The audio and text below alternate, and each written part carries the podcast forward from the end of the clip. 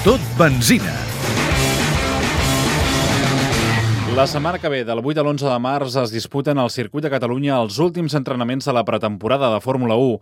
Aquests, en teoria, s'haurien d'haver disputat a Bahrain, però s'han suspès, igual com el Gran Premi previst pel 13 de març, a causa de la convulsió social que viu el país. El director del Circuit de Catalunya, Salvador Servià, diu que és positiu que els testos es facin amb un meló. La venda d'entrada segueix segueix eh, fluixejant i estem preocupats i, per tant, eh, va, jo crec que tot això fa que es parli de nosaltres, que es parli del Gran Premi, que la gent se'n recordi que ha d'anar a comprar les entrades si vol vindre, i nosaltres per anar-los explicant que vinguin, que s'ho passaran molt bé. Aquesta és la primera vegada que un Gran Premi de Fórmula 1 es suspèn a causa de la situació política d'un país.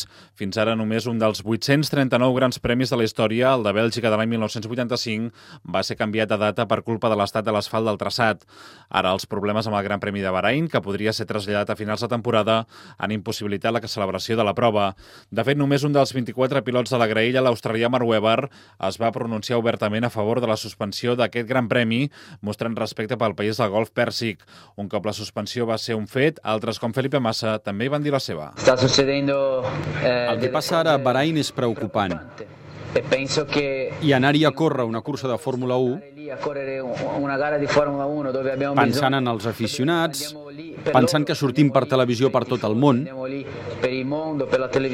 pensant en la gent que treballa allí, no crec que sigui el millor moment per anar-hi. Així doncs, enguany la temporada de Fórmula 1 comença el 27 de març al circuit d'Albert Park a Austràlia, Melbourne. Abans del 8 a l'11 de març, últims testos de la temporada al circuit de Catalunya.